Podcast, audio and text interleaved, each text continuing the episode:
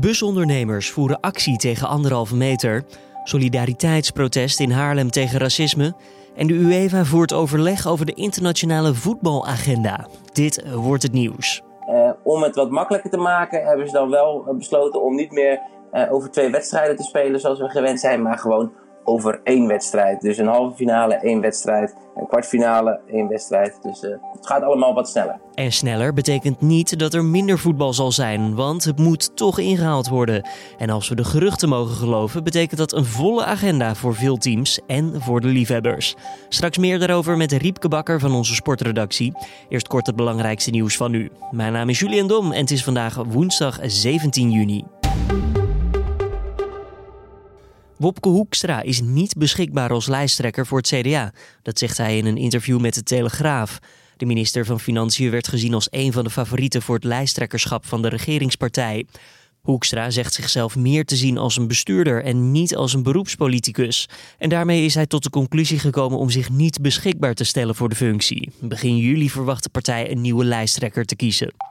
Bijna de helft van alle Nederlanders boven de 18 jaar stond in januari geregistreerd in het donorregister.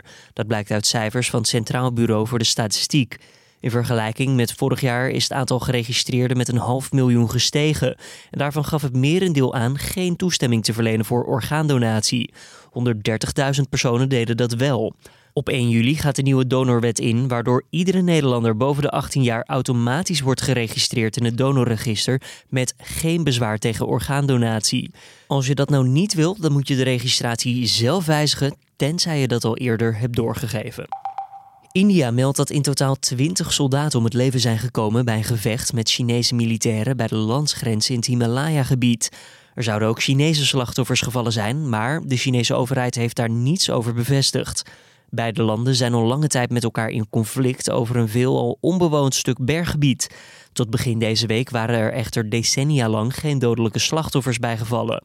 Het Indiase leger beschuldigde de Chinezen ervan dat ze de grens hadden overgestoken, terwijl China verklaart dat Indiase soldaten het Chinese gebied hadden binnengedrongen. President Trump heeft een decreet over politiehervormingen getekend.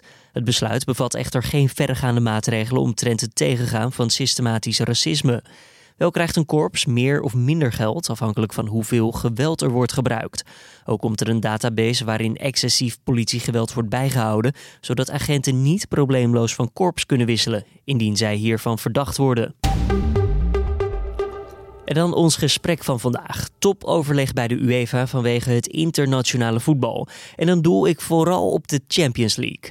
Riepke Bakker van onze sportredactie kan ons daar helemaal over bijpraten.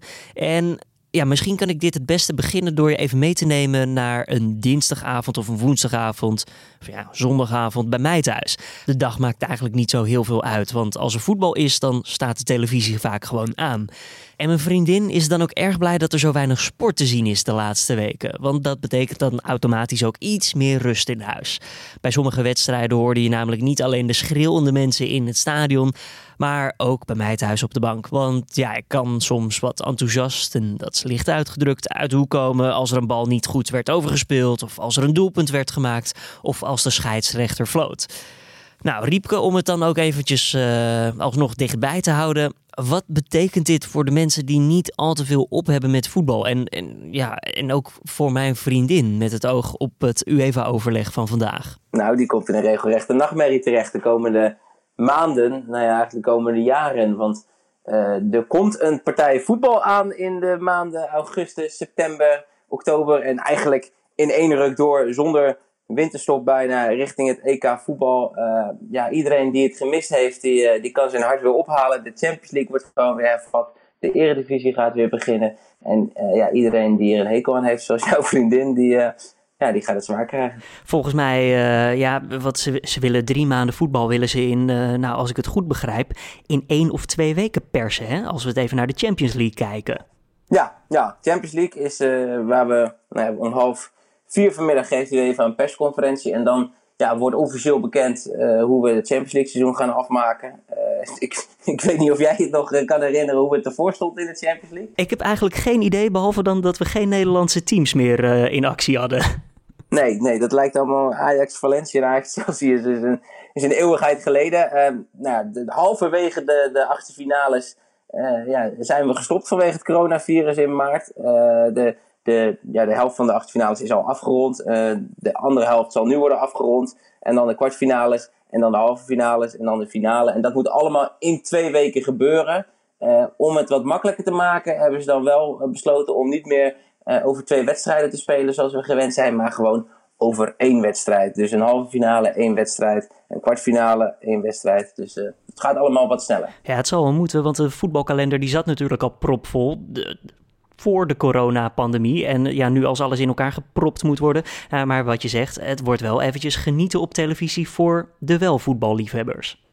Ja, aan de andere kant, ja, het, het blijft natuurlijk een beetje lastig, hè. Want ja, voetbal zonder publiek. Ja, ik weet niet of jij er een beetje van kan genieten in zo'n zo'n leeg stadion. Nou, volgens mij het Duitse voetbal is uh, zonder publiek, hè, als ik dat goed heb gezien. Uh, ja, ja, alles is zonder publiek. Ja, nou ja, qua in... ook beeld, want bij Spanje zag ik opeens digitaal publiek. En ik moet zeggen, dat uh, wel leuk, maar ik weet nog niet of ik daaraan kan wennen ook. Nou ja, ze, ze plakken er een beetje stadiongeluid onder. Dat, dat is op zich wel lekker, want voor je hersenen vergeet je dan op een gegeven moment dat er uh, geen publiek aanwezig is. Overigens er wordt in Europa, uh, in Servië was het Rode Ster Belgrado tegen Partizan Belgrado. Die hebben gewoon met duizenden mensen in een vol stadion gespeeld. Uh, ontblote bovenlichamen lagen ze over elkaar heen te rollen. Dus misschien dat daar binnenkort een klein pandemietje in Servië aan zit te komen. Maar ja, verder is het overal in Europa ja, zonder publiek. En dat is ook de insteek van, dit, uh, van het restant van de Champions League. Uh, van het restant van de Champions League. De finale uh, wordt zonder publiek, halve finale. Eigenlijk is er nergens publiek aanwezig. Het wordt weer een soort klinisch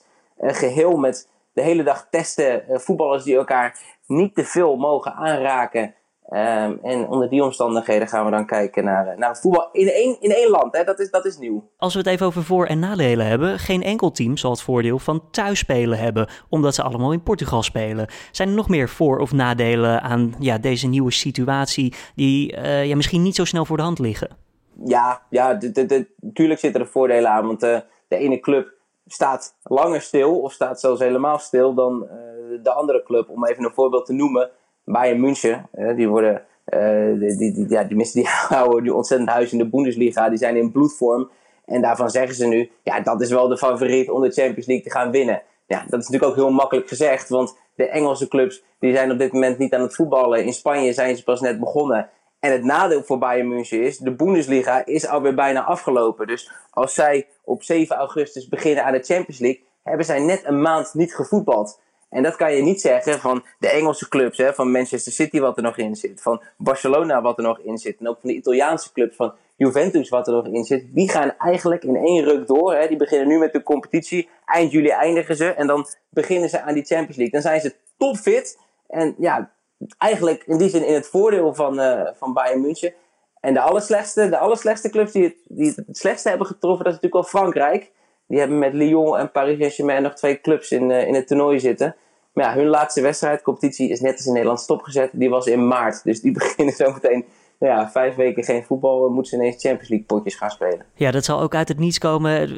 In hoeverre, ik, ik, heb, ik zit zelf niet op voetbal, jij zit wel op voetbal. In hoe, hoe snel kan je weer een beetje wedstrijdfit worden? Zeker voor zulke belangrijke grote wedstrijden als, als de Champions League. Nou ja, ik, ik speel eh, wel in een uh, soort vriendenteam. Hè, dus uh, fit is bij ons uh, ongeveer, uh, nou, wat dat zijn, 11 uur nadat je gedronken hebt, de kater een beetje weg is, dan ben je, ben je bij ons weer wedstrijdfit en mag je niet meer op de bank zitten. Er zou een extra reden zijn voor mij om te kijken van hoe ziet het er dan uit van Paris Saint-Germain. ja, maar over het algemeen, ja, het duurt een voorbereiding op een seizoen, ja, moet je toch wel een maand uittrekken. Dat is ook wat de clubs in de eredivisie op dit moment willen. Hè. Die vragen van, we willen in augustus alweer vriendschappelijk gaan voetballen, zodat we in september klaar zijn voor de eredivisie. Je moet gewoon een maand uittrekken. En natuurlijk, Paris Saint-Germain en uh, Olympique Lyon, ze kunnen wel trainen. Bayern München kan ook uh, blijven trainen. Maar dat is iets anders dan uh, een wedstrijd spelen. Dat is, gaat onder een veel hogere... De, de, de, intensiteit is veel hoger. De, het is fysiek allemaal veel zwaarder. Je krijgt ineens schoppen. Je kan krijgen dat dat soort clubs ja, veel sneller blessures oplopen. En ja, gewoon veel minder gewend zijn aan 90 minuten en misschien wel 120 minuten, want het gaat allemaal over één wedstrijd. Dus die kans is nog groter verlenging. Ja, gas te geven, dat is zwaarder voor ze. Dan even genoeg over de buitenlandse clubs. Hè? Want als we kijken naar de Nederlandse clubs, in hoeverre is de Champions League, die dan in begin augustus wordt uh, uitgespeeld, belangrijk voor, ik noem maar wat, een Ajax of een Utrecht of een PSV? Nou, dat is, uh, eigenlijk is het, is het vooral belangrijk voor, uh, voor Ajax. Want uh, ja, is onze Nederlandse kampioen. En dit Champions League seizoen, dat is op een gegeven moment afgelopen. Maar dan begint eigenlijk alweer bijna meteen het nieuwe Champions League seizoen. Ja, Ajax is, ook, ik zei kampioen, maar Ajax is natuurlijk als, nummer 1 geëindigd in de Eredivisie. Ze zijn geen, geen kampioen geworden. Maar wel, ze hebben wel dat directe ticket voor de Champions League gekregen. Maar aan het directe ticket voor de Champions League zit één mis, eentje, één maar. Het is nu namelijk zo dat de winnaar van de Champions League, die krijgt automatisch ook een Champions League ticket. Dus als Barcelona de Champions League wint, dan krijgen zij een ticket voor de Champions League volgend jaar. Maar ja, Barcelona wordt in Spanje ook wel eerste of tweede of derde. Dus dan krijgen ze ook uit hun eigen competitie een ticket. En dan blijft er één ticket over. En dat gaat dan naar Ajax. Nou zijn er in de Champions League op dit moment nog wel een paar clubs. Olympique Lyon is er nog. Uh, Napoli is er nog. Dat zijn clubs die zich via de competitie niet hebben geplaatst voor de Champions League. Dus mochten zij uh, de Champions League winnen, Atletico, Napoli, Olympique Lyon, dan moet Ajax alsnog voorronde spelen. Want dan moeten zij, hun ticket als het ware, gaat dan naar de Champions League winnaar van, van dit seizoen. Ja, en die voorrondes die zouden dan eind augustus al plaatsvinden. En dat is volgens mij een periode waarin we in ieder geval momenteel, volgens de coronaregels, nog niet in Nederland mogen voetballen. Nee, nee, wat dat betreft uh, zijn er enorm veel, uh, veel vraagstukken van, ja, want het, seizoen loopt, de seizoenen lopen eigenlijk in elkaar over. Want uh, in de aanloop naar het komende Champions League seizoen inderdaad moet AZ ook, hè, want die spelen sowieso voorronde, maar ook Willem II en PSV voor de Europa League alweer in actie zien te komen. Dus ja, daar ligt een heel heet hangijzer en dat is ook wel heel een hele lastige situatie. Want die Champions League, dat kan je allemaal in één of twee stadions, kan je de laatste fase spelen. Maar die voorrondes, die zijn veel uh, groter. En hoe, hoe ze dat gaan oplossen met landen waar niet gespeeld uh, mag worden nog in augustus, dat is een moeilijkere puzzel. Eén dingetje is waarschijnlijk wel redelijk zeker. Ze gaan dan in plaats van over twee wedstrijden, over één wedstrijd spelen. En ja, wie er dan thuis speelt, voor zover dat een voordeel is zonder publiek, daar gaan ze dan over loten. Dus ja, ah, PSV moet dan, weet ik het, in de, in de voorronde tegen een of andere uh, Griekse club. En dan uh, wordt er geloot wie, of we in Nederland of in Griekenland gaan spelen. En dan meteen weer door. En dan hebben we ook nog eens die transfers, hè, uh, Riepke. Want in de zomerperiode is normaal een periode waarin niet gevoetbald wordt. De competities zijn ten einde, spelers worden verkocht, gaan naar een andere club. Maar nu heb je opeens de situatie dat je in augustus nog de Champions League moet spelen. En dan kan ik me voor, zo voorstellen dat een club met andere mensen het veld opkomt dan uh, ja, begin dit jaar het geval was.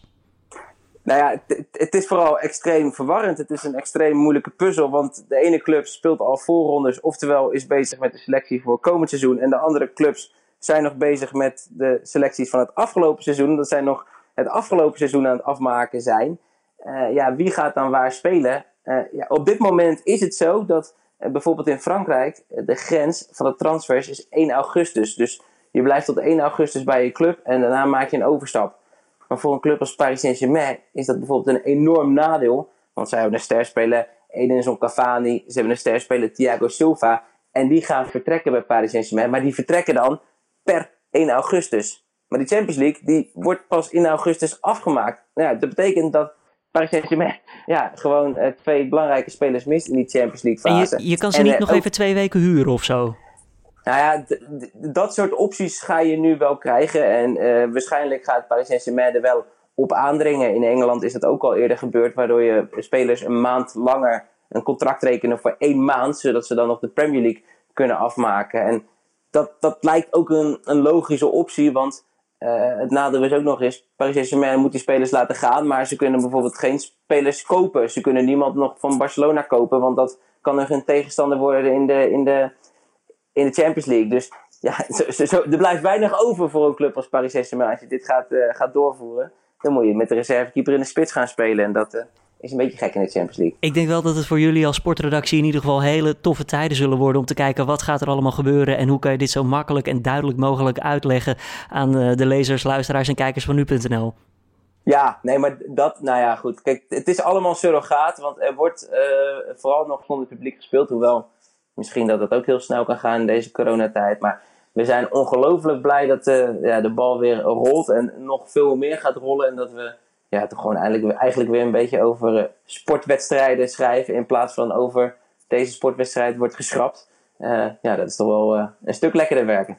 Riepke Bakker, dankjewel voor deze toelichting. En om half vier vandaag is de persconferentie. Dan krijgen we zekerheid of alles ingevuld wordt zoals tot nu toe dus al is uitgelekt.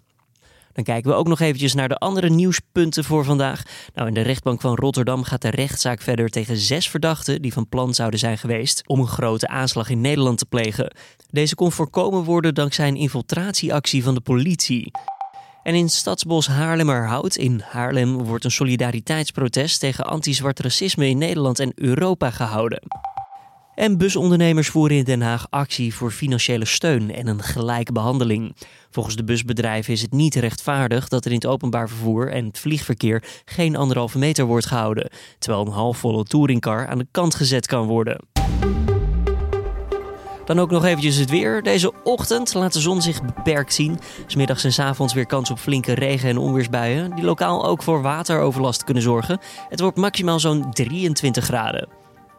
Een brief van Vincent van Gogh en zijn collega Paul Gauguin uit 1888 heeft dinsdag bij een veiling 210.000 euro opgebracht. In de brief beschrijven de kunstenaars in vier kantjes hun gezamenlijke bordeelbezoeken. Van Gogh beelde in zijn schilderijen ook wel eens bordelen en prostituees af. Toen de schilder zijn eigen oor had afgesneden, dat deed hij ook in 1888, liet hij dit ook achter in een bordeel dat Gauguin had bezocht. De precieze aanleiding is echter nooit helemaal duidelijk geworden. Van Gogh overleed twee jaar later namelijk zonder zijn actie, voor zover bekend, te verklaren. Dit was dan weer de Dit wordt het nieuws ochtendpodcast. Dit keer van woensdag de 17e van juni. Mijn naam is Julian Dom en heb jij nou tips of feedback voor ons? Dan kan je dat mailen naar podcastapenstaartje.nu.nl. Heb je vragen voor de hoofdredacteur? Stuur dat ook toe. Dat behandelen we dan vrijdag tijdens de week van nu. Dat is de openbare redactievergadering. Ik wens je voor nu een fijne dag. Vanmiddag is mijn collega Carne van der Brinker met de middageditie van deze podcast. En morgenochtend is Dit wordt de nieuws weer ochtends met dan het nieuws van donderdag.